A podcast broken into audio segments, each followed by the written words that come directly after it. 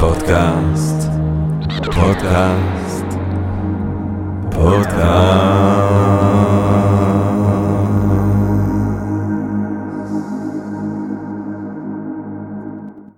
טוב, גבירותיי ורבותיי, ברוכות וברוכים הבאים לפודקאסט של Think and Ring Different, פודקאסט למי שאוהב לחשוב ולשתות. אני ג'רמי פוגל, ואנחנו רוצים קודם כל להתחיל עם רגע של הודיה לעצם היש, לעצם היקום שמאפשר לנו למרות הכל, וגם בתקופה המוחכבת הזאת, להתכנס כאן למען הרחבת התודעה, העמקת הידע, גירוי וסיפוק אולי הסקחנות.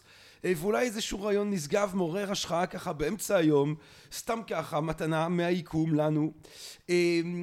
זה מה שאנחנו אוהבים לעשות כאן ב-Think and Ring Different, אם בפודקאסט או אם בעולם הגדול שמחוץ לפודקאסט, שבו אנחנו מקיימים את ההרצאות ואת הסדנות שלנו, אה, ובפחד אנחנו נשמח להזמין אתכם אה, לסדרה של הרצאות מיוחדת מאוד בבית ציוני אמריקה, עם יורם יובל וחיים שפירא, שני אנשים מרתקים שזכינו לראיין אותם גם כאן בפודקאסט. אה, יחד הם ידברו על השאלות הגדולות של החיים, ככה זה, השאלות הגדולות. כמו למשל, למה אנשים טובים עושים מעשים רעים? למה? למה? איך תורת המשחקים מסבירה את טבע האדם, מה הופך אדם לפסיכול... לפסיכופת, לא לפסיכולוג, כמו שגם זאת שאלה, אבל מה הופך אדם לפסיכופת, ועוד ועוד ועוד ועוד, פחתים לגבי הסדרת ההרצאה המרתקת הזאת ספציפית, ועוד כל שאר ההרצאות שאנחנו מקיימים אצלנו בדף הפייסבוק, בואו ותראו ובואו וניפגש בעולם הגדול שם בחוץ. במציאות, ביקום. טוב. אני לקראת השיחה שלנו היום חשבתי על איך אנחנו לוקחים דברים כמובנים מאליהם. נראה לנו שהעולם שבו אנחנו נמצאים, האופן שבו הוא מסודר, האופן שבו דברים מתנהלים, נראה לנו כמובן מאליו, נראה לנו כלפעמים אולי סוג של הכרח, כסוג של הכרח מן הטבע כזה. ככה הם הדברים, ככה הם תמיד היו, ודווקא חלק מהדבר מעניין ביותר, מרתק ביותר, מאתגר ביותר שקורה ברגע שאנחנו מתחילים לחשוב על הדברים בצורה ביקורתית, היא שגם קטגוריות שנראות לנו טבעיות לכאורה, שנראות לנו מובנות מאליהם, בעצם מתחילות לערער ובעצם גם הן מתגלות כמשהו שנוצר על ידי כל מיני תהליכים היסטוריים, תרבותיים, חברתיים ואחרים ואם זה נוצר זה לא תמיד היה ככה, זה לא תמיד יהיה ככה, זה לא חייב להיות ככה, אפשר לשאול לגבי טבעו של הדבר ושל התופעה המדוברת.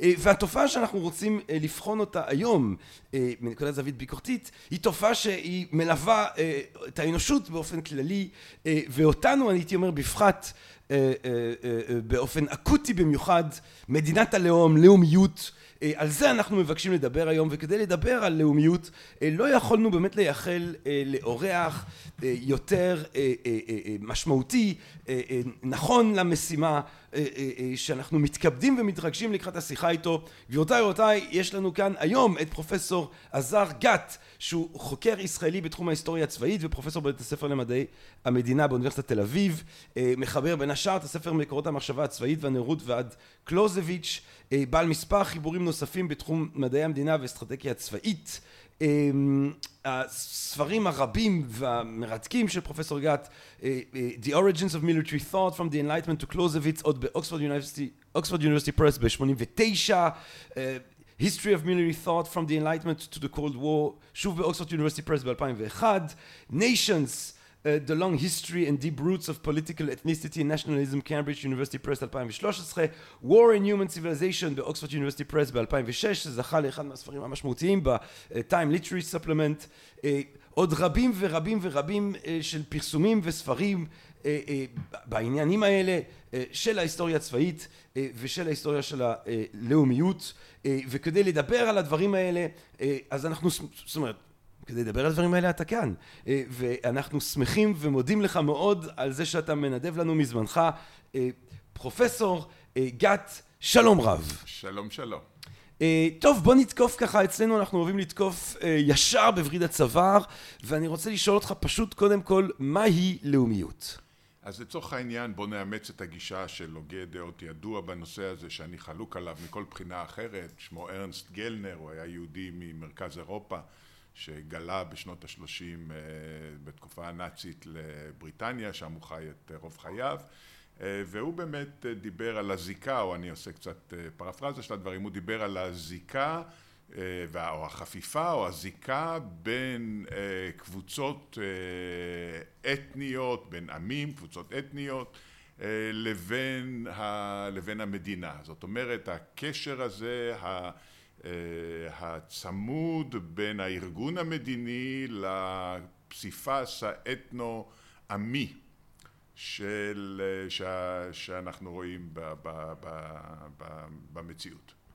ועל... ו, ועל פי התפיסה שלו הדבר הזה הוא רק תוצר של המודרניות. Oh.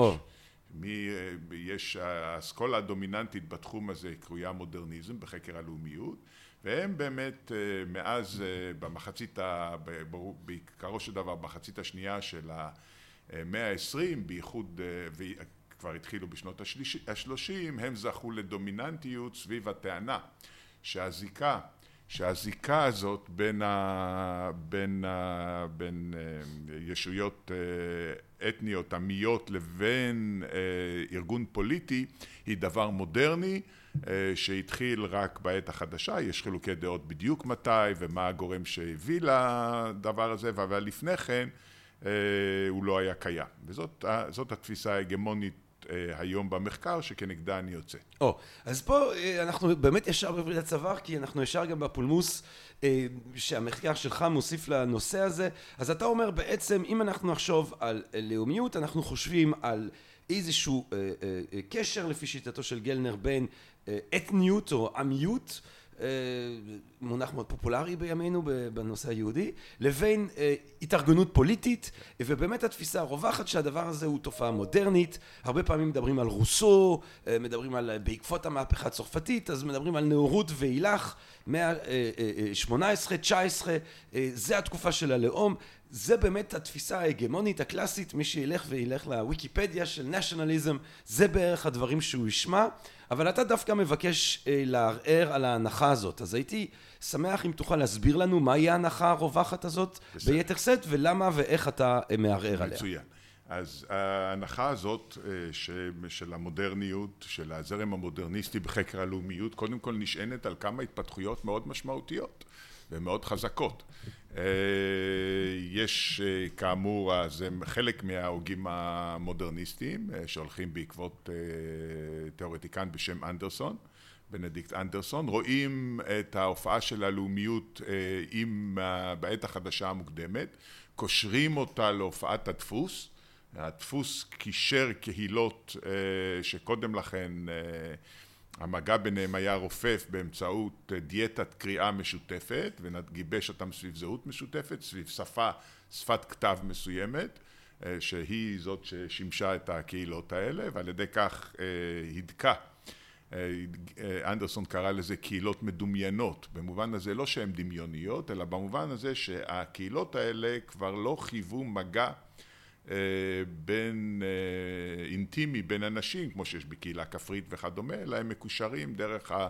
דרך הספירה הזאת של הטקסט הספרותי.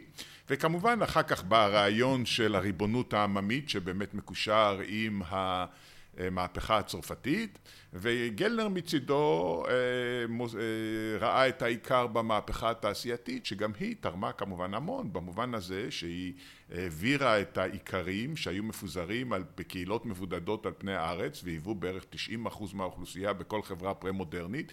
היא העבירה אותם במסגרת תהליך המודרניזציה שבא עם התיעוש לערים היא הכניסה אותם למוסדות כמו בתי ספר שנתנו להם חינוך אחיד ומשותף ברוח לאומית. היא גייסה אותם לצבאות מדינתיים שהיה להם את אותו אפקט. כל ההתפתחויות האלה הם בלי שום ספק התפתחויות רבות משקל ביותר. אם מישהו ירצה לטעון שהלאומיות המודרנית היא אכן יש לה הרבה יותר עוצמה צריך להזכיר במובן הזה גם את הנקודה שבאמת כמו שאמרנו מאז המהפכה הצרפתית הלגיטימציה הפוליטית בכל מקום בין אם המשטר הוא דמוקרטי ובין אם איננו הוא הרעיון של ריבונות עממית. אז, אז כאמור כל הדברים האלה אכן נתנו ללאומיות המודרנית אימפקט מאוד מאוד משמעותי. אין להכחיש את זה בכלל אבל עדיין אני טוען שההנחה שהם יוצאים ממנה, שלפני כן כביכול, והם לא עוסקים בתקופה שלפני כן, ולכן שלפני התקופה המודרנית לא הייתה זיקה כזאת בין האופי האתנו, אתנו-עמי של עמים לבין הארגון הפוליטי שלהם, בדבר הזה הם שגו שגיאה עמוקה. אני, אני רוצה לשאול אותך שתי דברים, כי הדבר, אולי קודם כל, אני חושב שהדבר שעולה, ואני הייתי שמח לשמוע, ההתייחסות שלך זה סתם, אנחנו מסתכלים על, על, על הנרטיב המקראי, ואנחנו רואים שם באופן מובהק קשר בין התארגנות פוליטית כלשהי לבין אתנוס. ואנחנו הרי יודעים שהרבה מהחוקרים רואים וזה מובהק האופן שבו הסיפור המקראי משפיע על התפיסה הפוליטית גם בתקופה המודרנית המוקדמת ואיך שאפילו החילונים הגדולים בעצם מציעים לעשות שינוי תיאופוליטי, אני חושב על שפינוזה, אני חושב על הובס, מציעים בעצם לעשות שינויים תיאולוגיים, לעשות שינויים בהבנה שלנו את המקרא כדי לעצב את הפוליטיקה בגלל שהם מבינים שהפוליטיקה של זמנם בעצם מושתתת על הסדר הפוליטי כפי שהוא בא לידי ביטוי במקרא. אז איך אפשר לחשוב שהלאומיות היא אך ורק מודרנית, אני מבקש ממך בעצם להגן על התפיסה שאתה לא מחזיק בה, אם אתה רואה את הדוגמה של המקרא שהיא כל כך בולטת בתרבות המערבית. מצוין. אז קודם אני רוצה באמת להגיד שני דברים בהקשר הזה. א', ההוגים המקוריים, החלוצים של המודרניזם, כמו הנס קון, יהודי גרמני בשנות ה-20 וה-30, הוא היה הראשון שבהם, באמת חשבו שעם ישראל הקדום הוא יוצא מן הכלל. שהוא אכן מפגיני, מפגין מאפיינים של לאום ולו בגלל הבחינה, לו בגלל הסיבה שהייתה בו רמה של אוריינות גבוהה.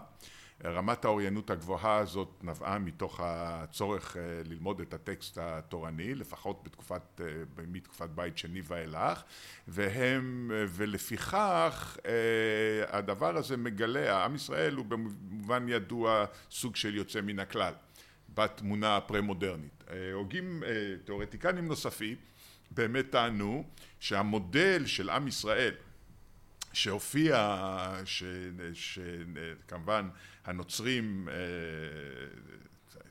הפכו אותו לחלק מאוד מאוד מרכזי מכל, ה, מכל תפיסת העבר שלהם ומכל כמובן האתוס שלהם השפיע על העמים האירופאים והביא אותם לכיוון של, של הדגשה של זהות לאומית. אני חושב שהטענה הזאת לא נכונה, שהיא מוגזמת. זה נכון שכמובן שהמטאפורה של עם ישראל היא הייתה מטאפורה מאוד בולטת, אבל אני לא חושב שההופעה של הלאומיות באירופה, ואנחנו נראה, אני חושב שהיא הולכת לימי הביניים, אני לא חושב שהיא נובעת ואנחנו רואים הופעה של מדינות לאום בחלקים אחרים של העולם שבהם התנ"ך, הברית הישנה לא משחקת שום תפקיד ולכן אני לא חושב שזה גורם כל כך משמעותי כמו שחלק מזה. אבל הדבר הנוסף שאני רוצה להגיד הוא שבאמת הטענה של המודרניסטים, אחת הטענות החזקות שלהם שבמאה ה-19 במסגרת ההופעה של הלאומיות המודרנית טיפחו כל מיני מיתוסים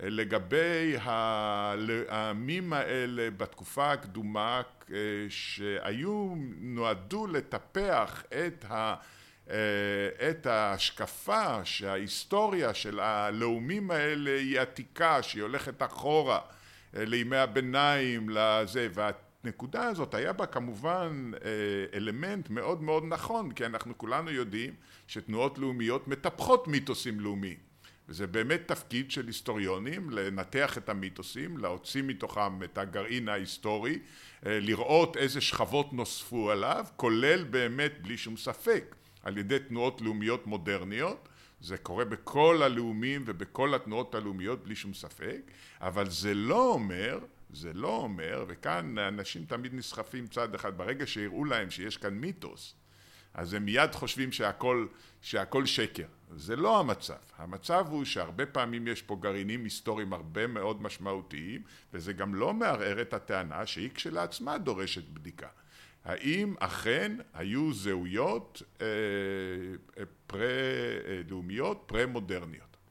האם, אני תוהה אם הטיעון אני, הרווח... אני, אני רוצה עוד אולי להעביר כן. דבר אחד חשוב ביחס לטיעון ה... המודרניסטי כדי לעשות איתו צדק ולהסביר מה, את העוצמה שלו, וזה הטענה שעיקרים בתקופה הפרמודרנית, מי שאמרתי, 90 אחוז מהאוכלוסייה בכל החברות הפרמודרניות באופן כללי, הם, אה, הזהות שלהם היא כולה מקומית. הם אף פעם לא יצאו מהכפר שלהם, אנחנו יודעים היום שאיכרים לא התרחקו יותר מאשר 15 קילומטר, חלק מהם אף פעם לא יצא מעבר לזה, הם מנותקים מכל זה, אין להם שום ידיעה על ה... על ה... על ה... על המרויות או על זה אולי איזו ידיעה על איזשהו מלך רחוק שזה אבל הם כל הזהות שלהם היא מקומית היא קהילתית היא כפרית הם לא שותפים לזהות יותר רחבה. מכיוון שהם גם לא יודעים קרוא וכתוב אז אין לנו גם עדות שיכולה לאשר שהם איזה כן זיקה הייתה להם. אז מתוך העדות הזאת שבשתיקה המודרניסטים גוזרים שהזהות שלהם הייתה, בלי שום ספק היא הייתה בצורה מרחיקת לכת מקומית. השאלה אם הם ידעו שהם שייכים ואם היה להם זיקה של, התחי... של מחויבות, של מסירות, של הזדהות עם קולקטיב יותר רחב. עכשיו באמת כדי לה, אולי באמת לעשות צדק נוסף עם טיעון המודרניסטי ואולי גם להמחיש את התהליכים שאתה מדבר אותם אה, על דוגמה ספציפית אם אנחנו נחשוב למשל על גרמניה אולי אני מניח שחלק מהמאזינים שלנו יודעים שבעצם לפני המאה ה-19 אנחנו מדברים על Kleinstaaterei אנחנו מדברים על 362 אם אני לא טועה של נסיכויות ואצילויות שהם בעצם מרכיבים את מה שהיום הוא גרמניה. זאת אומרת אין גרמניה אין כזה דבר גרמניה. יש כל מיני נסיכויות ומחוזות ויש את פרוסיה ויש את כל מיני מקומות קטנים כאלה. ואם אנחנו נחזור טיפה יותר מוקדם אחורה אין אולי שפה אחידה עד לתרגום המכונן של לותר את, את כתבי הקודש שבעצם מציע מודל של שפה מאוחדת. אז אם אנחנו חוזרים לפני לותר זאת אומרת לצורך העניין אנחנו נלך למאה החמש עשרה אין בעצם מדינה גרמנית בכלל אין אומה גרמנית אולי אין שפה גרמנית הדברים האלה רק בעצם מתהווים לכדי הצורה שאנחנו מכירים היום באמת במאה ה-19. אז, אז, אז, אז אולי אם אנחנו נסתכל על זה היסטורית הם צודקים. היסטורית הם צודקים. אז זה באמת אחד מהמאפיינים של הטיעון המודרניסטי שהוא מאוד סלקטיבי בדוגמאות שהוא נותן. אני, תכף אני אדבר על גרמניה ואני גם אגיד שלא כל מקום הוא גרמניה וגם לא בכל מקום הזהויות היו באמת זהויות של מדינות לאום, אחר כך נפרט איזה זהויות, איזה סוגים של זהויות היו.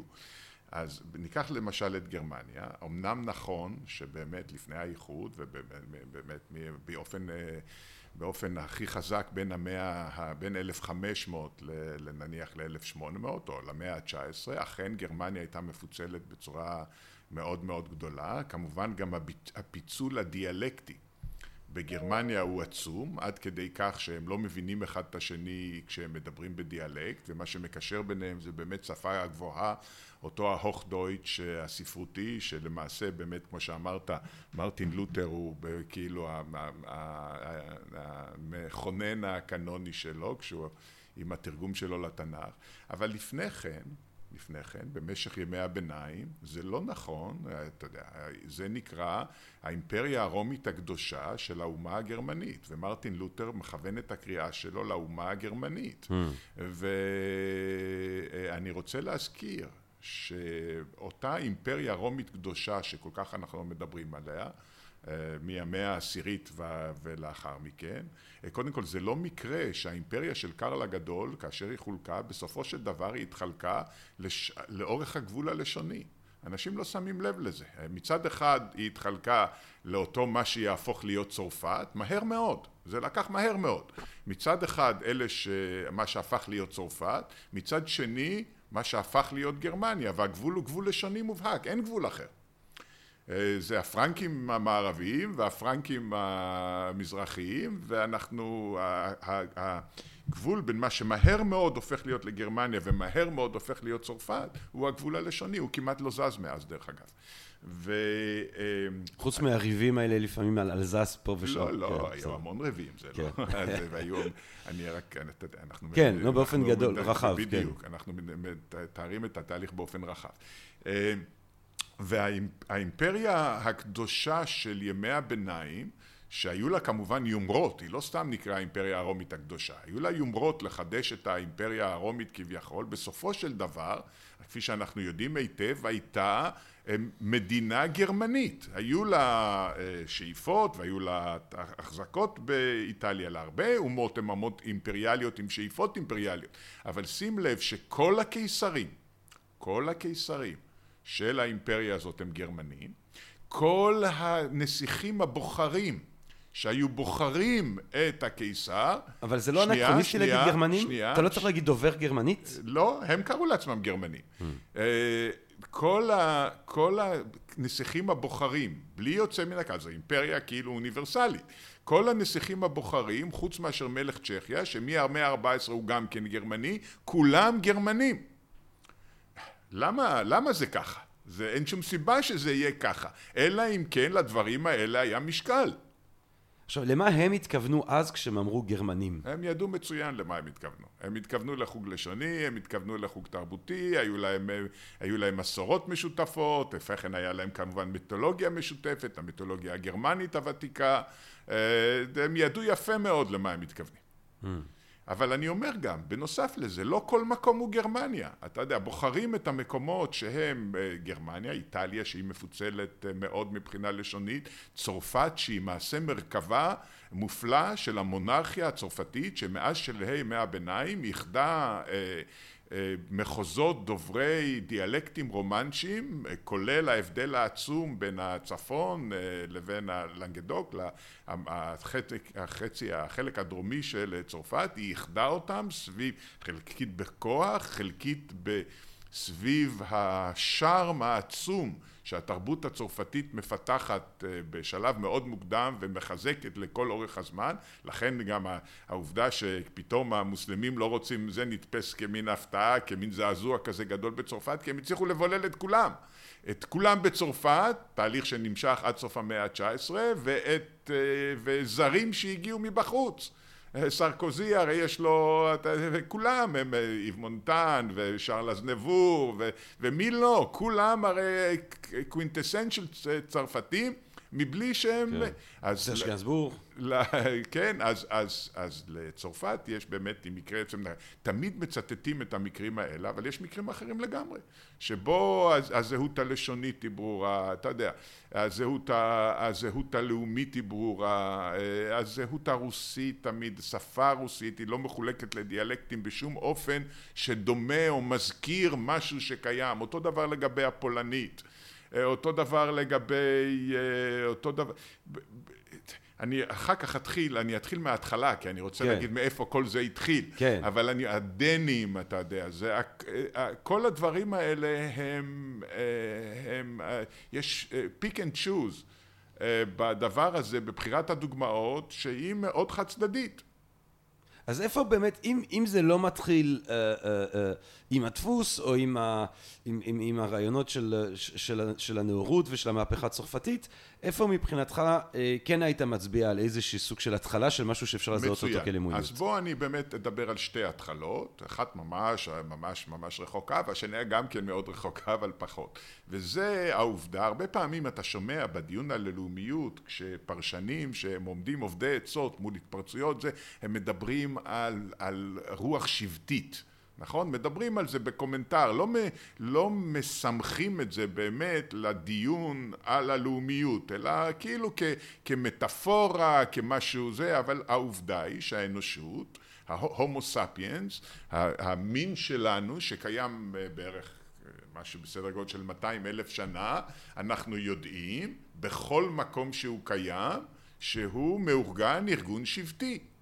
היינו ש... והארגון השבטי הזה הוא קהילה משותפת של מה שאני קורא קין uh, קלצ'ר, זאת אומרת שארות תרבות. האנשים האלה הם קרובי משפחה רחוקים אחד של השני בתוך השבט, הם, uh, הם uh, מדברים, יש להם תרבות משותפת כולל דיאלקט משותף, הם באופן ברור מאוד מבחינים בין עצמם לבין זרים והארגון השבטי הזה הוא, היה, הוא אוניברסלי, הוא עדיין נשאר כמובן במקומות אה, לא מעטים אה, בעולם, אבל ברוב המקומות הוא נשחק עם הופעת המדינה. עכשיו, מה שאני טוען הוא שהמדינה, המדינות הראשונות שהופיעו, המדינה הראשונה, גם כאן יש, המודרניסטים הכניסו הרבה בלבולים, אבל המדינות הופיעו, הראשונות הופיעו לפני חמשת אלפים שנה, אנחנו מכירים את זה, למדנו את זה בבית ספר יסודי, בצד אחד במסופוטמיה, בשומר, מצד שני במצרים. שניהם מייצגים שני טיפוסים שונים של מדינה פרה-מודרנית. אני אתחיל ממצרים כי היא, כי היא הדוגמה. מצרים היא מדינת לאום מובהקת. היא קמה לפני, היא המדינה הראשונה ומדינת הלאום הראשונה. היא אה, מדינה ש... אה, שנסובה או מבוססת על העם המצרי.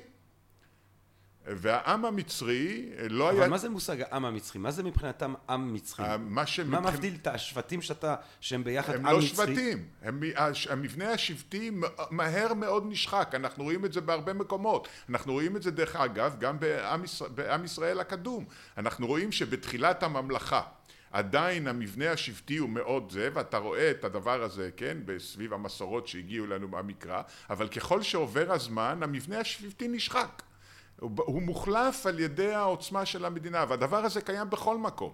אה, תיקח את רומא העתיקה עדיין אנחנו שומעים על השבטים הקדומים וככל שהמדינה או, או, את, או את יוון קח את אתונה. כן הדמוס. אה, כן, יש להם יש להם את המבנה השבטי הקדום שלהם הוא נשאר רק כזיכרון רחוק. לפעמים כזהויות לפעמים כמוסדות של פולחן וכדומה, אבל מכל בחינה מעשית, בתהליכים שאין לנו זמן להיכנס אליהם, הוא נשחק ומתבטל. אז כך גם במצרים העתיקה. כך במצרים, אנחנו, כשאנחנו מכירים, כשמצרים העתיקה עולה על, על, על, עולה על הרדאר, זאת אומרת, היא מופיעה כמדינה, היא מתועדת בכתב וכדומה, הזהויות השבטיות כבר לא קיימות שם.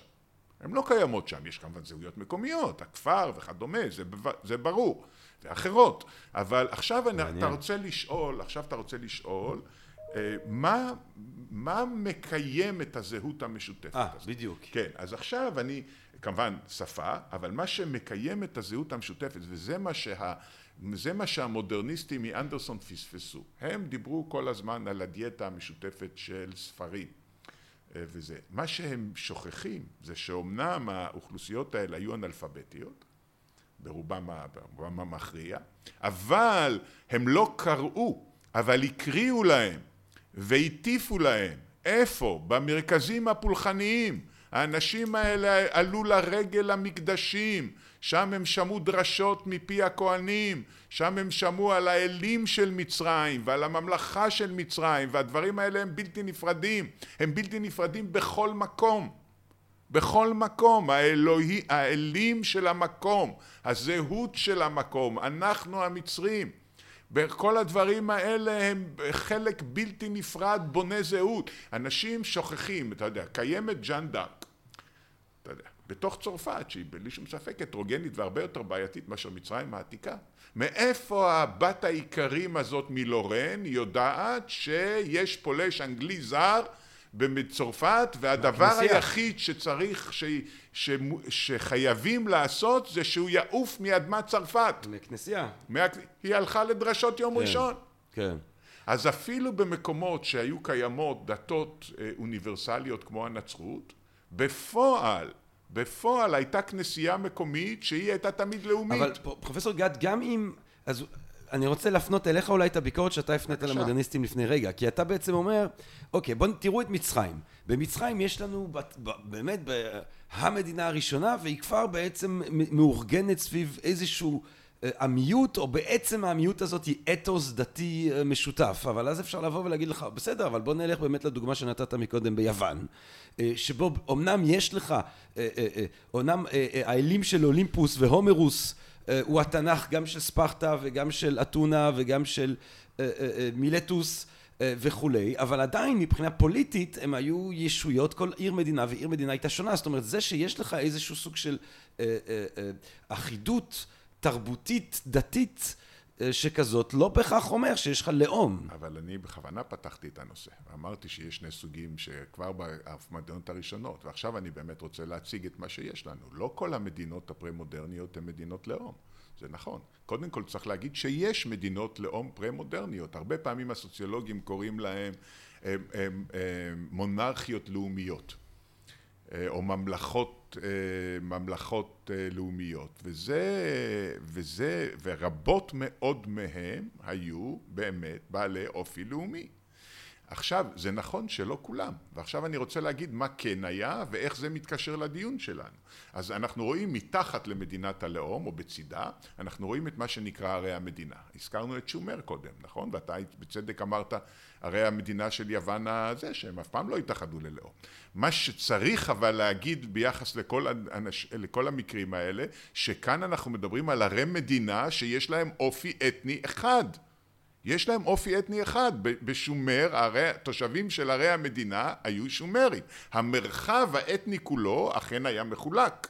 למרות שהם ידעו, הם ידעו שהם שומרים, והיוונים ידעו, אנחנו הרי זה אחד הנושאים הכי מפורסמים, שהיוונים ידעו שהם כולם הלנים. אבל כל אחת מהיחידות האלה, בפני עצמה, הייתה מוגדרת אתנית. היא לא הייתה אדישה לשאלת הזהות האתנית.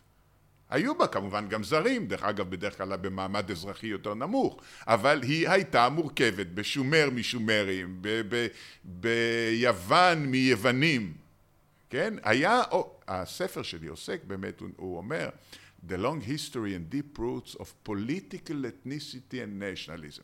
Political ethnicity, ethnicity תמיד הייתה גורם פוליטי דומיננטי. זה לא שהיו שם מרכיבים מכל הזה, היו, זרים הגיעו, באתונה שהייתה כל כך משגשגת, כמובן משכה אליה זרים מכל המקומות, כמו שהיום, מדינות הלאום מושכות אליהם אה, מהגרים, זרים מכל מיני מקומות. אז זה לגבי מדינת, ה... לגבי ערי המדינה, שהוא דפוס, דפוס ארגון אכן מאוד מרכזי של ההיסטוריה הפרה-מודרנית. אז יש לנו ערי מדינה, יש לנו ממלכות לאום, כמו שאמרתי, אחר כך נמשיך בדוגמאות. ויש לנו אימפריות רב-לאומיות. עכשיו, האימפריות הרב-לאומיות האלה, מה ששוב לא שמים לב בהקשר שלהם, שזה האימפריות הרב-לאומיות האלה באופן כמעט אה, אה, אוניברסלי או אבסולוטי. הם כולם, במרכזם עומד איזשהו עם אימפריאלי או אתנוס אימפריאלי שהמדינה נשענת עליו שהוא הבסיס שלה, אה, שמסביבו האחרים יכולים להתארגן אם, אם מסיבות של אה, אינטרס או הרבה יותר, או לא פחות, או הרבה יותר אה, נפוץ מסיבות של כפייה. אז אם אתה מדבר על האימפריה הפרסית, או לפניה על האימפריה הבבלית, או לפניה על האימפריה האשורית, המרכז שלהם הוא באמת אותו אה, עם אימפריאלי שנמצא במרכז, בין אם זה האשורי ובין אם זה הבבלי ובין אם זה הפרסי, כמובן הם מסביב מכריחים את כל היתר לספק חיילים, לספק אה, אה, כספים וכיוצא בזה, אבל כולם יודעים מי הכוח המרכזי באימפריה הזאת, וכך גם הלאה. לכל אורך ההיסטוריה אה, הדבר הזה עובד, אתה יודע, האימפריה הצארית כפי שהרבה פעמים נקראת, באותו זמן, באותה מידה קראו לה האימפריה הרוסית, למרות שהיא לא הייתה מורכבת רק מרוסים, אבל היה ברור שזאת האימפריה שנשענת על העם הרוסי. העם הרוסי עצמו היה משועבד לגמרי, ויחד עם זאת לא הייתה כל שאלה שלגבי הנאמנות שלו, וכאשר הייתה פלישה זרה, העם הזה הכי משועבד באירופה. כולו צמיתים משועבדים בתנאים הכי ברורים. כאשר הייתה פלישה פולנית בראשית המאה ה-17, כאשר הייתה פלישה שוודית בראשית המאה ה-18, כאשר נפוליאון ב-1812 פורש, פולש לרוסיה, הוא כאילו הממציא של הלאומיות, והנה שם הוא פולש לרוסיה, המדינה כביכול הלא לאומית, התקוממות עממית כנגד הצבא הזה של נפוליאון שאכן מביאה גם להריסתו. אין שאלה כאשר האנשים האלה, אנחנו אין לנו, כפי שאמרתי, הטיעון, הטיעון המודרניסטי נשען על שתיקה. הוא נשען על השתיקה של המקורות, כי האנשים האלה לא ידעו לכתוב. אבל יש לנו עדות יותר הם טובה. הם השקופים של ההיסטוריה. כן, בדיוק ככה. אבל יש לנו עדות יותר טובה, והעדות היותר טובה הם מה הם עשו. מה הם עשו כאשר באה פלישה זרה? אז השליטים שלהם הרבה פעמים קצת חששו לעורר אותם, כי הם חששו שאולי זה יביא אותם לזה, אבל כשלא היה ברירה הם עשו את זה. והעם בהמוניו התגייס למה אה, עלה לו בחיים וברכוש ובכל מה שיקר לו, למרות שלכאורה, לפי המתודה המודרניסטית, הם בסך הכל, א', היו חסרי תודעה לאומית, וב', הם בסך הכל היו, עמדו להחליף אדוני, באדונים מקומיים באדונים זרים. אבל זה לא ככה, הם לא ככה ראו את זה ולא ככה הם פעלו. Hmm. אה, אם כבר נפוליאון אבל, כן. אולי, אולי נדבר, אולי, ו, ו, ואם כבר אני זוכה לדבר עם uh, מומחה להיסטוריה צבאית uh, ולעניין הלאומי, למה הגרנט ארמי הזה שלו, uh, הצבא הגדול, הצבא העממי, למה זה נתפס ככל כך מכריע בתוך כל ההתפתחות של ההבנה המודרנית, uh, אולי לא אבסולוטית, אבל ההבנה המודרנית של הלאומיות? תראה, אז כאן צריך להיכנס לדיון יותר זה. קודם כל, קודם כל צריך להגיד, צבאות לאומיים זה לא היה דבר חדש. זה, נפוליאון לא המציא את זה. אתה הולך אחורה בהיסטוריה, הצבא של הרפובליקה הרומית היה צבא של אזרחים רומים, הוא היה צבא... אבל לא רק, לא רק האתנוס הרומי. לא, לא, גם כשנפוליאון לא היה רק. נפוליאון גייס, כשהוא פלש לרוסיה עם 600 אלף איש, אז רק חצי היו צרפתים. אה. הוא סחב אחריו את כל אירופה, מסכנים. אתה יודע, הוא סחב אה, מכל מקום. איטלקים וגרמנים, האוסטרים יצטרכו לספק ארמיה, הפרוסים סיפקו גיס, מדינות גרמניה העצמאיות סיפקו חילות עזר, האיטלקים, כל אירופה הוא סחב איתו, הולנדים, בלגים, מה שאתה רוצה. רק חצי היו צרפתים. אז תמיד היה הכוח המרכזי, אף אחד לא פיקפק שזה צרפת, עליו זה נשען, והיו כוחות עזר, אפילו בצבאות הלאומיים. אז גם באימפריה הרומית הליגיונות היו מורכבים מאזרחים רומים, זה הצבא הלאומי של, ה, של הרפובליקה הרומית. אה, ולאחר, ומצידו היו חילות עזר, מה שנקרא, מה שהרומאים קראו בעלי ברית, למעשה הגרורות של, ה, של המדינה הרומית. אה, אז, אז, אז אה, לכן צבאות לאומיים היו תמיד, היו קיימים תמיד, גם באתונה של המאה החמישית הצבא היה צבא לאומי וגם, אתה יודע, גם אפשר להגיד גם באשור וגם במקומות אחרים. מה, ש, מה שכאן, אחד הנקודות שמציינות במובן הזה את צרפת, שזה פשוט בא אחרי המאה ה-18.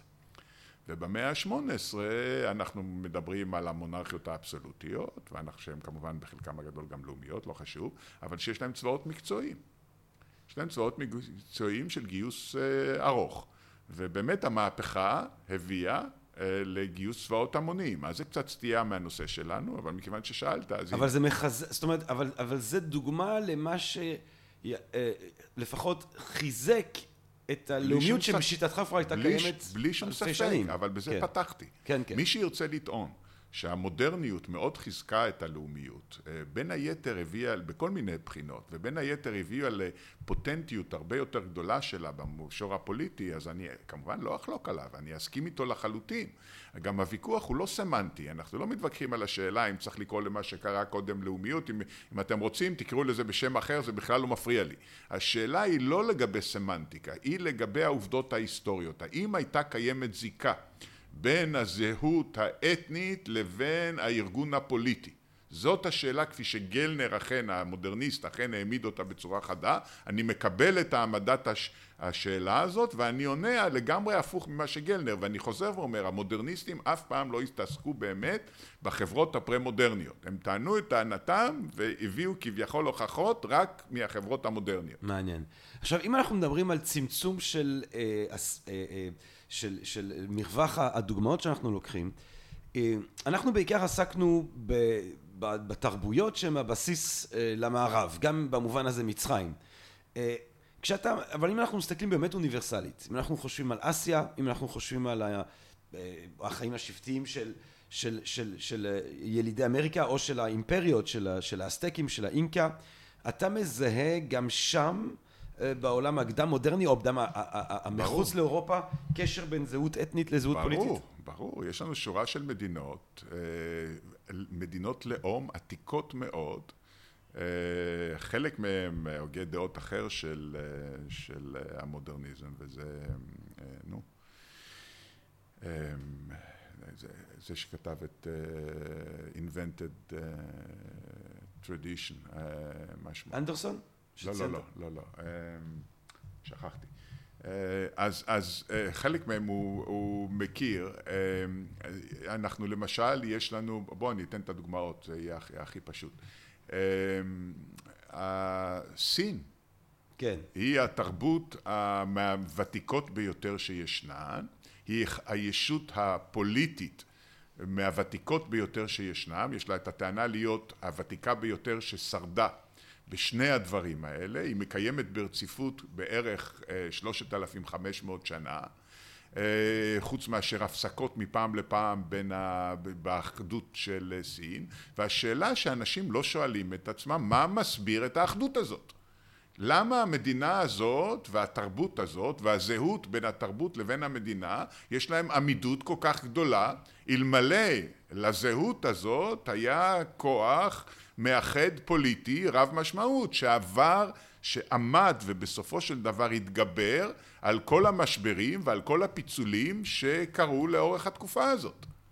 וסין היא לא היחידה כמובן. יפן קיימת כמדינה שבעלת אה, תרבות אה, מזוהה וברורה מאז אמצע האלף הראשון לפני. למרות שאולי באמת למדינות איים, לאי כמו יפן, אז אולי אפשר קצת לבוא ולטעון... ש... למה אפשר, אתה יודע?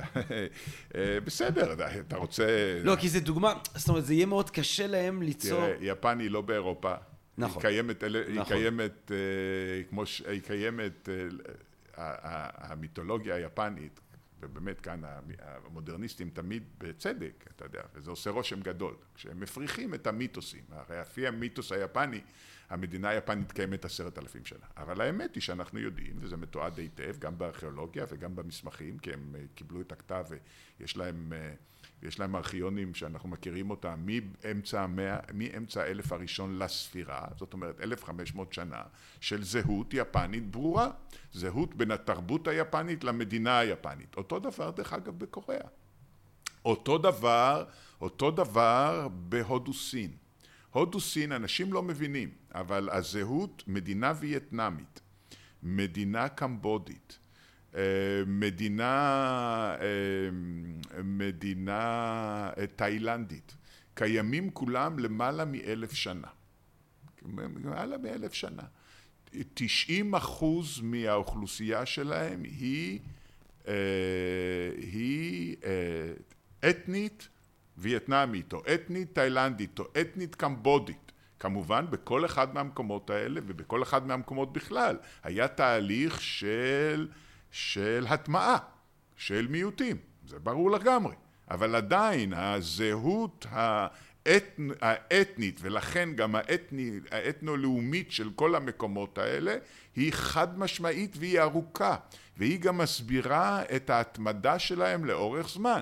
כמובן זה לא זה, אנחנו יודעים שהעמים גם נעלמים עמים משנים זהויות, כל הדברים האלה הם נכונים לגמרי, אף אחד לא מכחיש אף אחד מהדברים האלה. ויחד עם זה יש כאן כוח רב עוצמה מאוד שאנחנו רואים אותם במקרים, במקרים רבים מאוד כבעל כוח התמדה עצום. עכשיו, עכשיו באירופה, באירופה עצמה, אז מדינת הלאום הראשונה היא מוקדון, מוקדון של פיליפוס ואלכסנדר, היא הייתה באופן מובהק, אה, התבססה על זהות אתנו, אתנית מסוימת שעליה נבנתה המדינה המוקדונית, המדינה הזאת אחר כך הפכה לאימפריה, כאשר השתלטה קודם על יוון ואחר כך על המזרח, אבל יש לנו, וכאשר באמת, אה, באמת אה, נופלת האימפריה הרומית ובצפון אירופה נוצרות אה, זהויות חדשות, אז הן נוצרות כמעט מההתחלה כזהויות שמשל... ש... ש... שבהם יש סוג של חפיפה עמוקה בין אה, זהות אה, אתנית לבין אה, מדינה, ואני אתן את הדוגמאות, כבר הזכרתי חלק. אה, אה, כמובן, אה, אני אזכיר את אלה שלא אמרתי, אה, האנגלי, הסקוטי, האנגלים יש פעמיים, פעם אחת אחרי הפלישות האנגלו-סקסיות ופעם אחת אחרי הפלישה הנורמנית כאשר, אה, כאשר הפולשים והנפלשים אחרי 200 שנה בערך מתאחדים למה שאנחנו מכירים כאומה המודרנית האנגלית הסקוטים מצפון להם, הסרבים, הקרואטים, הפולנים, הצ'כים, כל אלה זהויות שמתגבשות בזמן. עכשיו ברור לחלוטין כדי למנוע אה, כדי למנוע אי הבנות או ספקות ברור לחלוטין שהמדינה יש לה תהליך מאוד חשוב בתהליך ההאחדה הזאת, ברור, אבל היא עובדת בדרך כלל וסיכוי ההצלחה שלה הוא הרבה יותר גבוה כאשר היא עובדת על מרחב שבו יש מאפיינים אתניים קיימים שאותם היא עכשיו מעבירה תהליך של האחדה של, אה, של מיזוג, של פולחנים, של, אה, של, אה, של אלים, של, של הרבה פעמים דיאלקטים, של מסורות מקומיות, זה קורה בכל מקום, אין, אין, אף אחד לא מכחיש את הדבר הזה, כמובן, להפך, אנחנו מדגישים אותו. אני רוצה לבחון איתך, פרופסור גת, אם מתוך האג'נדה המחקרית הדסקריפטיבית הזאת, יש גם פן פרסקריפטיבי במובן הזה שהאם אם, אם זה נכון שמדינת הלאום או, שמב, או, שז, או, ש, או שזהות או אה, בין אה, אה, או שהייתי אומר זיקה בין זהות אתנית לזהות פוליטית. זה משהו שהוא הרבה יותר עתיק ממה שנהוג לחשוב. האם לתובנה הזאת יש גם השלכות כלשהם לגבי הדרך שבה יש לפעול סביב הנושא הזה. אז אני אגיד את זה בדרך השלילה. אבל דרך השלילה היא, אני לא עוסק בנושאים פרסקריפטיביים, אבל באמת אה, טענה אה, מאוד רווחת שהיא חלק מהמודרניזם או, או של אה, זרמים שהם פועלים בצידו של, של המודרניזם, חלק קוראים לזה שכחתי את המושג, אבל, אבל על כל פנים הטענה מאוד, מאוד רווחת והיא גם הפכה להיות רווחת אצל מה שקרוי הציבור המשכיל והציבור הליברלי וכדומה, שכל הדברים האלה אם כן מכיוון שהן יצירות מאוחרות הן יצירות מלאכותיות שאין להן באמת משמעות, זה פרי של שטיפת מוח אה, פרי של מניפולציה כזאת או אחרת שעושים על האנשים. אחר כך אה, מתפלאים כשהדברים האלה מתפרצים בעוצמה כל כך במקומות כאלה ואחרים. אז, אה, אבל על כל פנים עדיין ההסבר הוא שזה מניפולציה. שטפו לאנשים את המוח. וכדומה. ומה שאנשים לא מבינים זה שעושים מניפולציה במה שניתן למניפולציה. ומה שניתן למניפולציה זה רגשות מאוד עמוקים של זהות, של סולידריות ושל זיקה שיש לקיבוצים האלה. אה, אז עכשיו, כאשר אתה אה, שולל את התפיסה שכביכול הדברים האלה הם מניפולציה מודרנית, אז אה, יש מקום למבט נוסף על השאלה עד כמה הדברים האלה הם חסרי לא רק תוקף אלא גם לגיטימציה, עד כמה, השאלה עד כמה הם מייצגים רגשות אנושיים עמוקים. אם אתה מכיר בזה, אז כמובן זה כשלעצמו לא מצדיק המון דברים, כולל כמובן את כל הדברים הנוראים שהתפיסה הלאומית, שהלאומיות חוללה. אבל, אבל יכול להיות שזו מניפולציה פשוט עתיקה יותר, אבל מניפולציה nonetheless. השאלה היא למה המניפולציה הזאת כל כך מצליחה, אתה יודע. כן. זה לא, וכל הזמן עובדים על האנשים עם אותו טריק. יש טריקים שלא עובדים עליהם, נכון? Mm. יש דברים, אתה יודע, זה לא שעל כל דבר אפשר לעשות מניפולציה. אז זאת אומרת, אני אשאל אותך למשל ככה. שנייה, שנייה. וגם אני, אנחנו צריכים לזכור שבאמת על הבסיס הזה של סולידריות כזאת, הרבה פעמים גם הסולידריות החברתית מתקיימת. זאת אומרת, במידה רבה מדינת הרווחה נשענת, ומחקרים הראו את זה. היא יותר חזקה, יותר מבוססת במקומות שהזהות האתנו-לאומית היא יותר חזקה, כי אתה לא רוצה, אתה לא, לא מוכן לתת מהכסף שלך למה שאתה רואה כאנשים שהם אה, לא שייכים לקולקטיב. ולכן באמת, כשמגיעים מהגרים במקומות יותר איזה, או דברים נוספים, קיבוצים השחורים באמריקה. שהם אה, הרבה מאוד זמן, וגם עדיין במידה רבה, לא נתפסים על ידי הרוב הלבן כחלק באמת מהותי מאנחנו. ולכן באמת הנכונות להשקיע אה, בהם היא יורדת. אז מקומות, אז, אז גם הסולידריות, אנחנו יכולים להצטער על הדבר הזה, אנחנו צריכים להגיד, יכולים לחשוב שהסולידריות צריכה זה, אבל, אבל, אבל זאת המציאות, והמציאות הזאת היא מציאות מעוגנת, לא סתם אמרו חז"לינו שעניי עירך אה, קודמים, ואכן מה שאנחנו רואים בפועל במחקרים זה שעניי עירך קודמים, במובן היותר רחב, אלה ששייכים ללאום שלך, אתה מדינת הסעד היא משקיעה הון תועפות בזה, אבל למשל סיוע החוץ שלה, גם במקרה של המדינה הכי, אה, הכי נדיבה בדבר הזה, שוודיה, נדמה לי שזה לא מגיע לאחוז אחד, הוא נמצא בסביבות אחוז אחד מהתמ"ג. אז יש פה הבדל מאוד משמעותי, והטשטוש של ההבנה של כל השאלות האלה מערפל את ההתייחסות להרבה מאוד שאלות פוליטיות. או, אז זאת אומרת, אם אני אם אני מבין מה שאתה אומר, אם אני מבין מה שאתה אומר, אתה אומר, תראו, ברגע שאנחנו מבינים שהתארגנות אתנו-לאומית ושהביטוי הפוליטית של uh, cohesion, של uh, לכידות אתנו-לאומית, זה דבר שהוא, אני לא יודע להגיד שזה טמון בטבע האדם, אבל לשיטתך איתנו בתרבות האנושית לא מאות שנים, אלא אלפי שנים, אז... מאות אלפי שנים. אתה אומר מאות אלפי שנים. אני אומר, המין שלנו הוא, הומו ספיאנס, אמרתי, מה שקדם ללאומיות הרי זה השבטיות. אז אתה רואה בעצם את הלאומיות כסוג של שבטיות אולי באיזושהי אני דרגה. אומר, אני אומר שיש כאן מעגלים מתרחבים של זהות. הם גדלו. ככל שהאנשים שאתה מזהה, וזה המושג שאמרתי אותו קודם, ככל האנשים שאתה מזהה ששייכים ל... לקולקטיב השירות והתרבות המשותף שלך. וזה הופך אותך, בוא נגיד, למאוד סקפטי אה, למאמצים פוליטיים שמתעלמים מהיסוד השבטי האתנו-לאומי הזה. זאת אומרת, אני אשאל אותך פרקטית על אירופה למשל. הספר שלי יצא, ב, על, על הלאומיות יצא ב-2013. כן. ממש לפני שכל הגל העצום של, ה...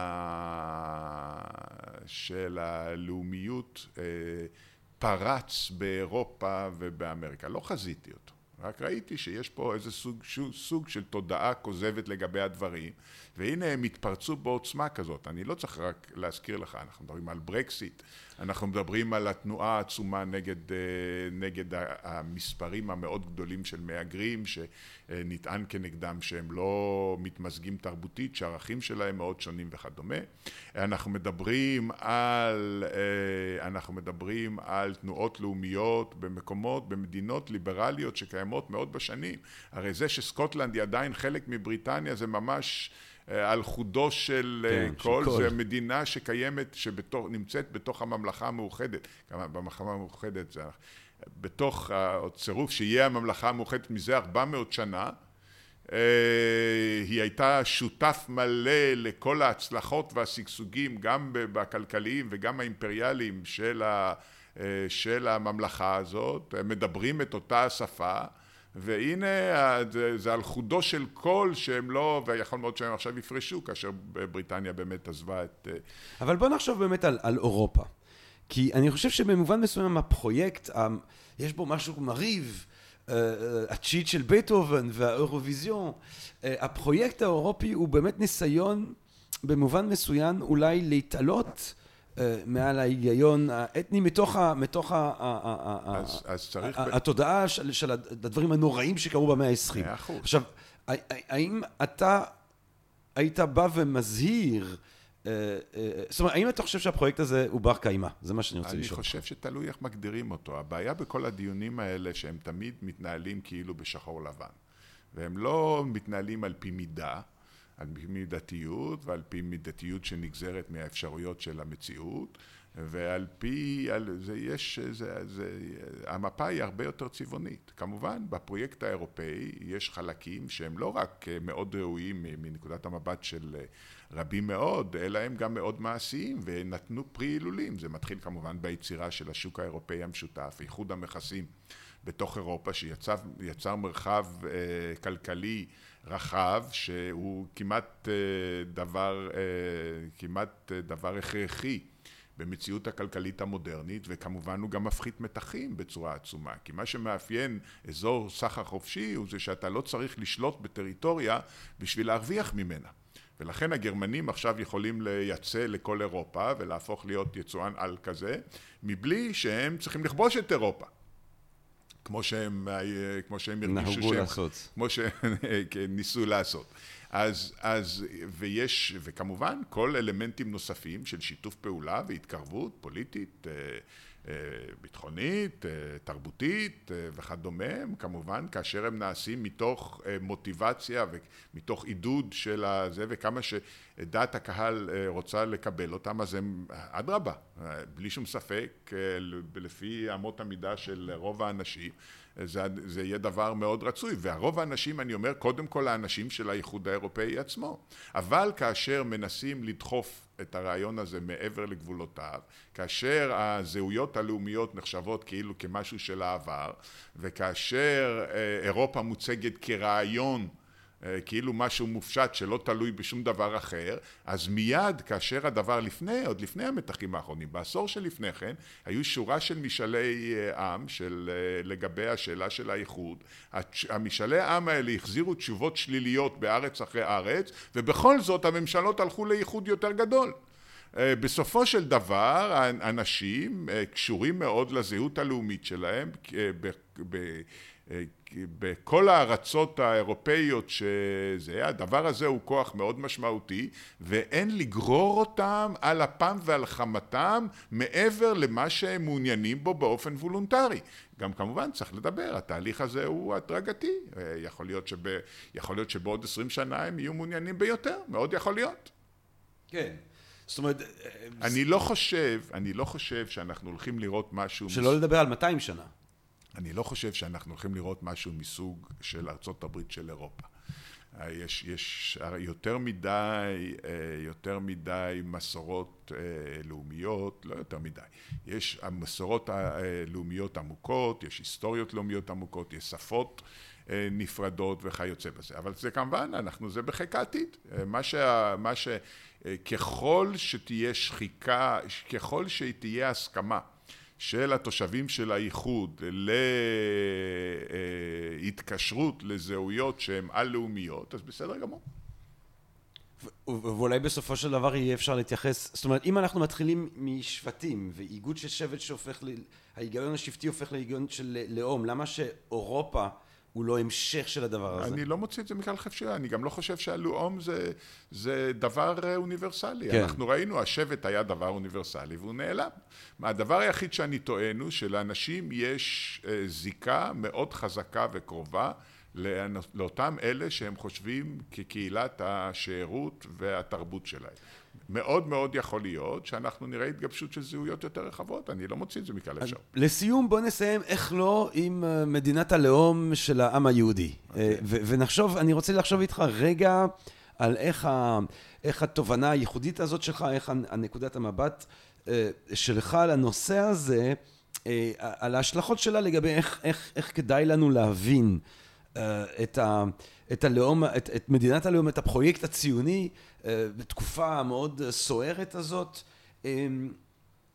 עכשיו פה זה מורכב כי גם, גם לשיטתם של המודרניסטים או מי שאתה מכנה את המודרניסטים הזהות האתנית, הקישור הזה בין זהות אתנית לזהות פוליטית עברית יהודית היא עתיקה גם לפיהם, זאת אומרת... רק לפי אחד מהם. המייסד של המודרניזם, האנס קון, שהיה בעצמו כמובן יהודי, דרך אגב כל המודרניסטים היו יהודים. חוץ מאשר אנדרסון, mm. כולם היו יהודים. אנחנו מדברים על האנס קון, אנחנו מדברים על דויטש, אנחנו מדברים על, אה, על, אה, על, על אה, גלנר, אנחנו מדברים, עוד שוב פעם שכחתי את השם של אותו הוגה חשוב, קומוניסט שנפטר לפני שנה. הם כולם היו יהודים. זה קצת מזכיר את הסיפור הזה, אתה יודע. על פרויד. לא, לא, זה קצת מסביר את הסיפור הזה על זה שהודח מקורס טיס והלך לנ"מ. כן. שאלו אותו למה אתה הולך לנ"מ, אז הוא אמר אם אני לא טס אף אחד לא טס.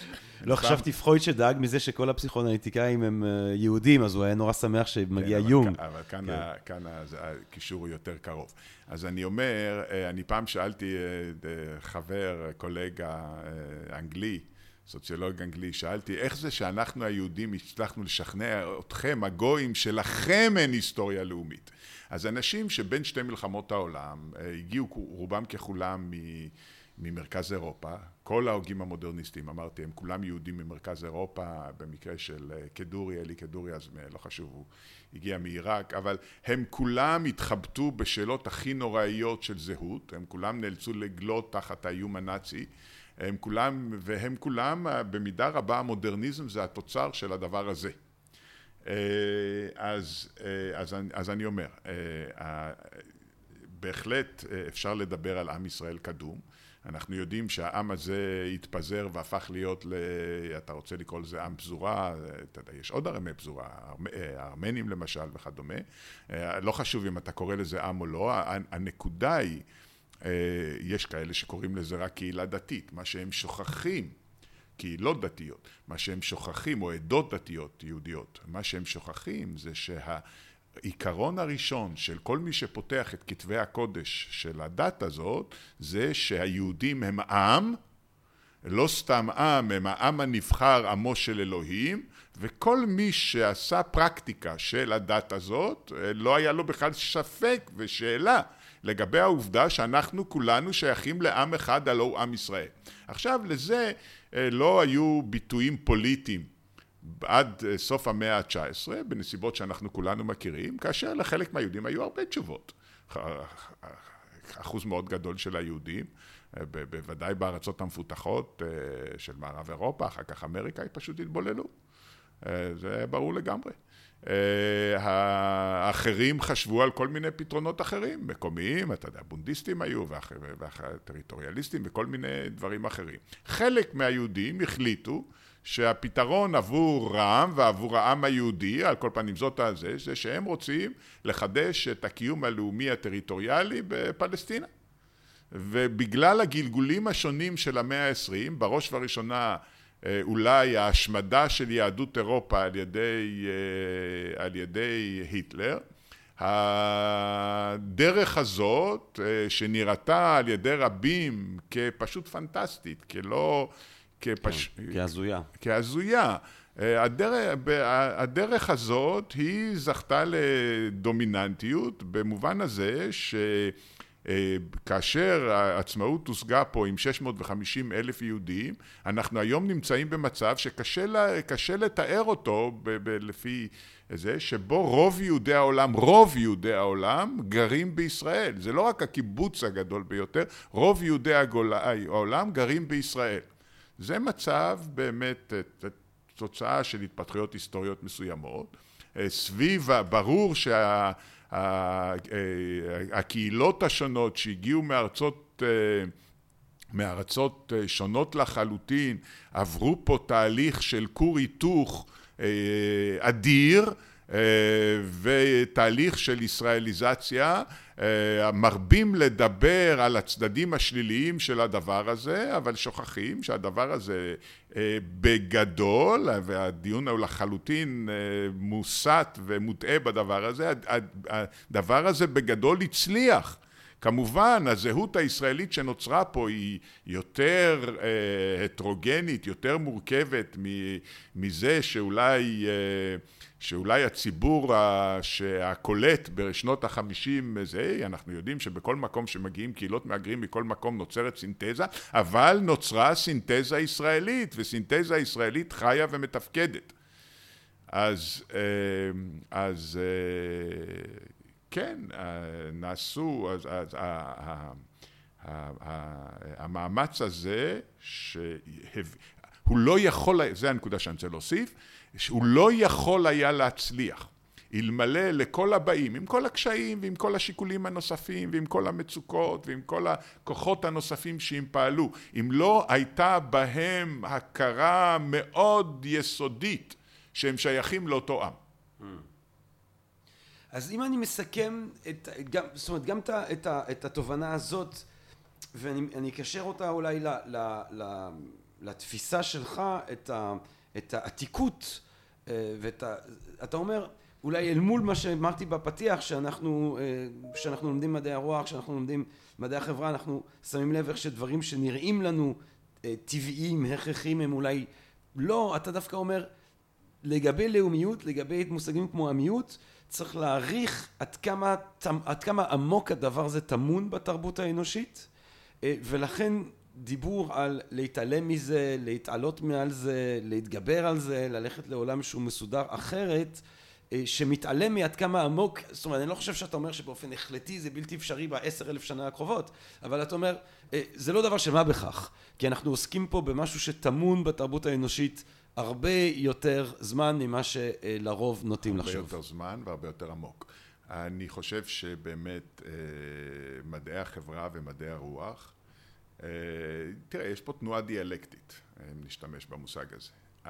מדעי החברה ומדעי הרוח במהלך המאה העשרים היו בהלך רוח סוחף קול, הגמוני, של ערעור על מוסכמות. ואנחנו יודעים שזה חלק אה, מאוד, אה, מאוד משמעותי מתהליך של התפכחות והתבגרות אינטלקטואלית. דברים שקיבלנו כאילו כמובנים מאליהם, אנחנו עכשיו רואים שזה לא בדיוק היה ככה, שדברים זה... הבעיה היא שבתהליך הזה הם נתקעו.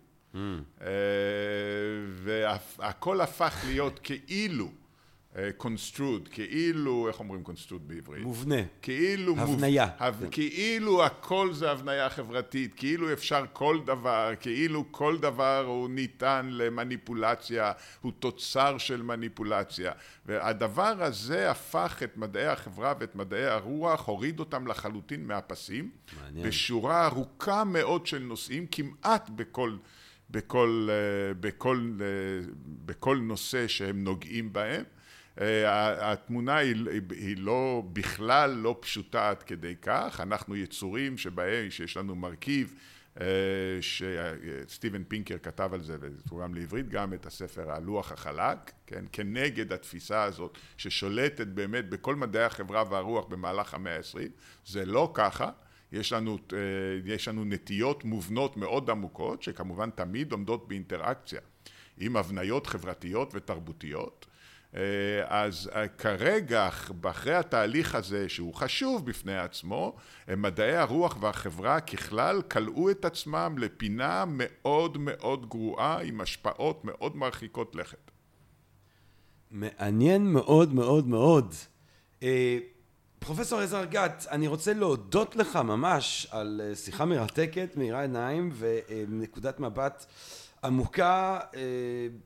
ואני חייב להגיד משכנעת, אני צריך, אתה יודע, אני צריך אחר כך זמן ככה לעכל את מה שאני שומע כאן, אבל אה, לכל הפחות בנוגע לעתיקות, אה, לזה שהרבה פעמים דברים שנראים לנו אה, אולי, או, או, או שמתוארים כהבניות מודרניות, יש להם לכל הפחות אה, אה, אה, בסיס עתיק הרבה יותר. המאזינים שלך, אני חושב, ישאלו, רגע, ומה עם מדינות מהגרים כמו ארצות הברית, שאין להם רקע כזה קדום וכך הלאה, אבל על זה נענה להם בטח בהזדמנות אחרת. אוי, אתה חייב להגיד מילה על הדבר הזה. אז אנשים שוכחים, כשמדברים על קהילות מהגרים, כמו ארצות הברית, כמו אוסטרליה, כמו קנדה, קנדה כמובן יש בה שני לאומים, אנשים שוכחים את הדבר הזה, לפחות שניים, שניים וחצי. הם שוכחים, והם בדרך כלל, בכל, ה, בכל האתוס האמריקאי, שמה שמאחד את הקולקטיב הזה זה בסך הכל נאמנות לחוקה ונאמנות לארץ החדשה. וזו תפיסה שאתה רואה אותה לכל הרוחב, שוב פעם, בתיאוריה ובאתוס של הלאומיות האמריקאית. האמת היא כמובן אחרת לגמרי. האמת היא שבמשך ה-250 שנה, קצת יותר, שהאומה האמריקאית קיימת, היא בוללה אל תוכה את גלי המהגרים. הסימן המובהק ביותר זה שהם עזבו את השפה שלהם. השפה שלהם, לא חשוב מאיפה הם באו, הם כולם עברו לדבר אנגלית. נשאר להם בחלקם, וזה גם כן לא, בקהילות מסוימות זה נשאר, בקהילות אחרות זה נשחק לגמרי, נשאר להם אה, אולי סממנים מסוימים של, ה, של המולדת הישנה, אבל אני גם מזכיר לך, אחרי שלושה דורות בדרך כלל, או קצת יותר, הם מתחילים להתחתן אחד עם השני. עכשיו זה קורה גם ליהודים. הם מתחילים להתחתן אחד השני. כשהאמריקאי אומר את המקורות שלו, הוא אומר, אני... אני אירי. אני שמינית אירי, כן. שמינית אה, גרמני, רבע צ'ירוקי, ואתה יודע, ככה הוא אומר, אתה יודע. אז, אז מה שבאמת מייחד את ארצות הברית היא זהות כלל אמריקאית. אבל דגל... לא אתנית. אל תקרא לזה אתנית, תקרא לזה אתנית, לכן אמרתי לך, זה לא משנה בכלל איך, איזה, הסמנטיקה לא משנה בכלל. אל תקרא לזה אתנית, או תקרא לזה אתנית. לא, איך... זה, לא זה לא עניין סמנטי. זה עניין סמנטי. אם אני מסתכל על השוודים, יש לי אחידות אתנית, אם אני מסתכל על האמריקאים, אין לי אחידות אתנית. לא, תלוי. מכיוון שארצות הברית היא פרויקט מתמשך, אז יש כל הזמן תנועה של מהגרים חדשים פנימה. וכמובן יש קהילות שהן באופן יותר מובהק חיצוניות. זאת אומרת, הם, אה, הם השחורים למשל, במידה מסוימת האינדיאנים, אם כי גם שם כמובן יש תהליכי השתלבות ותהליכים של, אה, של זה. אז מכיוון שכל הזמן יש תנועה פנימה, אז ברור שיש קהילות אה, יותר מאובחנות, אבל אה, אה, מה שעדיין קיים לגבי הרוב המכריע של האמריקאים, הוא זהות שכבר, אתה יודע, הזהות הישנה לא קיימת. תגיד שאין להם זהות אתנית בכלל, אם אתה רוצה. אותם, אתה יודע, אמריקאים שהם חלקי, 1 חלקי 16 ככה ו-1 חלקי 16 ככה, תגיד שאין להם זהות אתנית בכלל, תגיד שיש להם זהות אתנית מעורבת, מה, איזה, איזה משקל יש ל-1 חלקי 16 הזה, הזה או האחר, הזהות שלהם מבחינה תרבותית ומבחינה הזדהותית היא כל אמריקאית. נכון, אבל שוב, אם אתה, אם אתה מסכים להגדרה של אה, מדינת לאום כקישור בין זהות אתנית לז, להתארגנות פוליטית, אז הדוגמה האמריקאית, הפרויקט האמריקאי, הוא מאוד יוצא דופן במובן לא, הזה. לא, הוא לא עד כדי כך יוצא דופן. זה מה שאני אומר, שיש שם תהליכי התכה. יש שם תהליכי התכה, אתה רוצה את הדוגמה שתראה לך את ההפך מזה, קח את קנדה. בקנדה יש שני, שתי זהויות אתנו-לאומיות, הן לא מסכימות, לפחות הצרפתים אה, אה, בקוויבק, לא מסכימים להיות, להיטמע בתוך הזהות היותר כללית הזאת, ולכן המדינה הזאת היא תמיד נמצאת במתח בין שני הלאומים שמהווים אותה, ובסכנת התפרקות גם, שהיו כבר או שניים או שלוש, שני משאלי עם בנושא כן. הזה, ומן הסתם מאוד יכול להיות שיהיו גם בעתיד. מה שקורה בכל המדינות האלה, כולל באוסטרליה דרך אגב, כולל בניו זילנד, מה שקורה הוא תהליך של התכה והטמעה.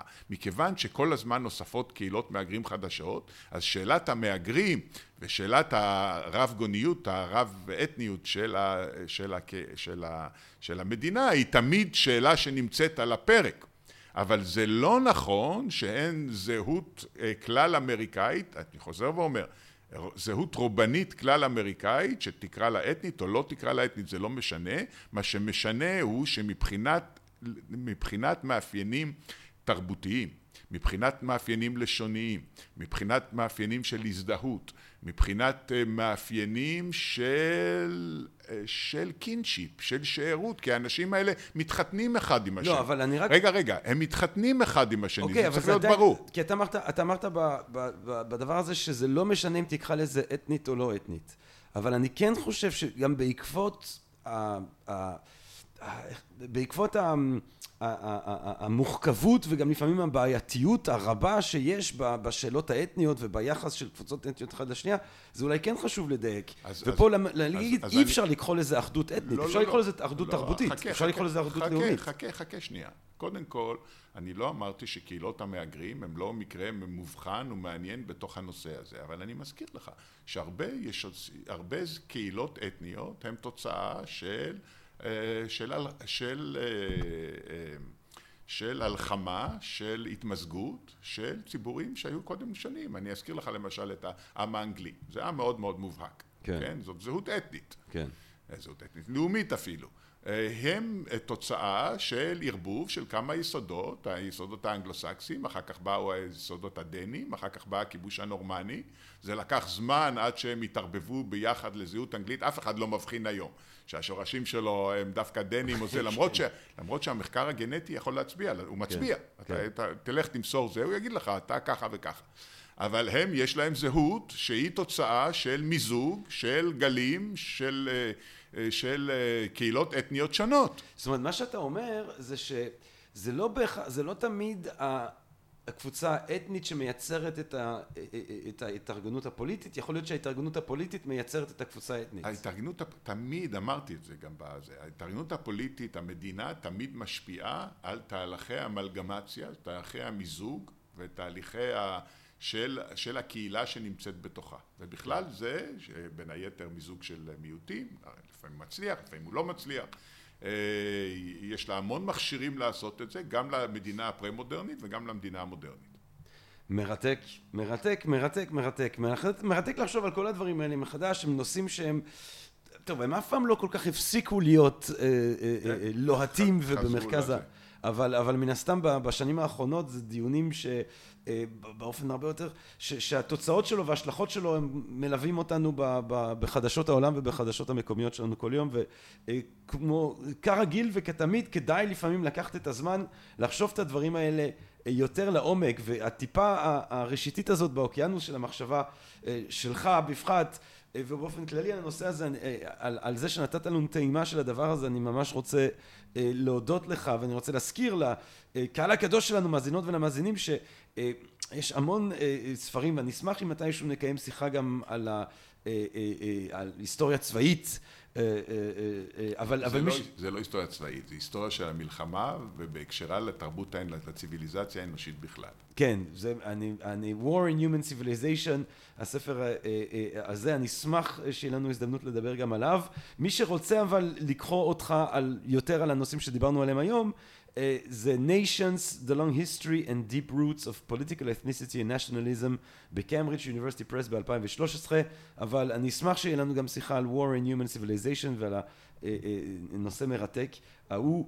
אני רוצה להודות לך ממש ממש ממש פרופסור עזר גט על זמנך ועל זה שבנדיבותך שיתפת אותנו בחשיבה שלך ובמחקר הכה מרתקים ובמחקרים הכה מרתקים שלך ובמחשבות הכה מרתקות שלך ואני גם רוצה להודות לכן ולכם למאזינות ולמאזינים היקרות והיקרים שלנו מקווה מאוד שנהניתם מהפרק הזה מהפרקים הנוספים שהקלטנו מאלה שבעזרת השם נמשיך ונקליט. ובינתיים מה אני אגיד לכם? כל טוב רק אהבה רבה רק בריאות ונשתמע. פודקאסט. פודקאסט. פודקאסט